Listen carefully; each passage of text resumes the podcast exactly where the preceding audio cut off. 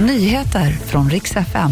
160 000 värphöns måste avlivas på grund av salmonella. Och Let's Dance blir historiskt i år när två kvinnor dansar tillsammans.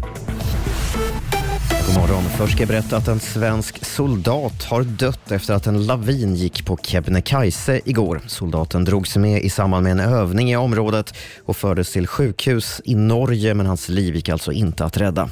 Inga andra ska ha dragits med i lavinen enligt Försvarsmakten, det skriver TT.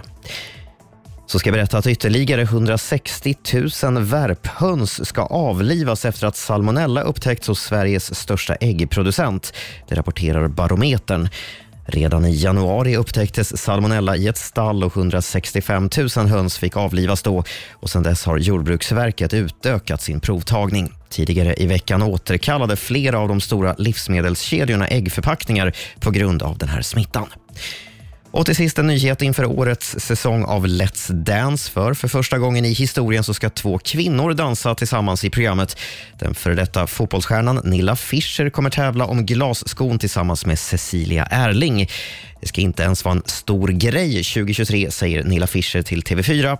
Och De båda kommer växla mellan vem som för och vem som följer i dansen. Cecilia Erling säger också att största utmaningen just nu det är att få Nilla Fischer att kunna dansa i klackar. Och Det var de senaste nyheterna. Jag heter Robin Kalmegård.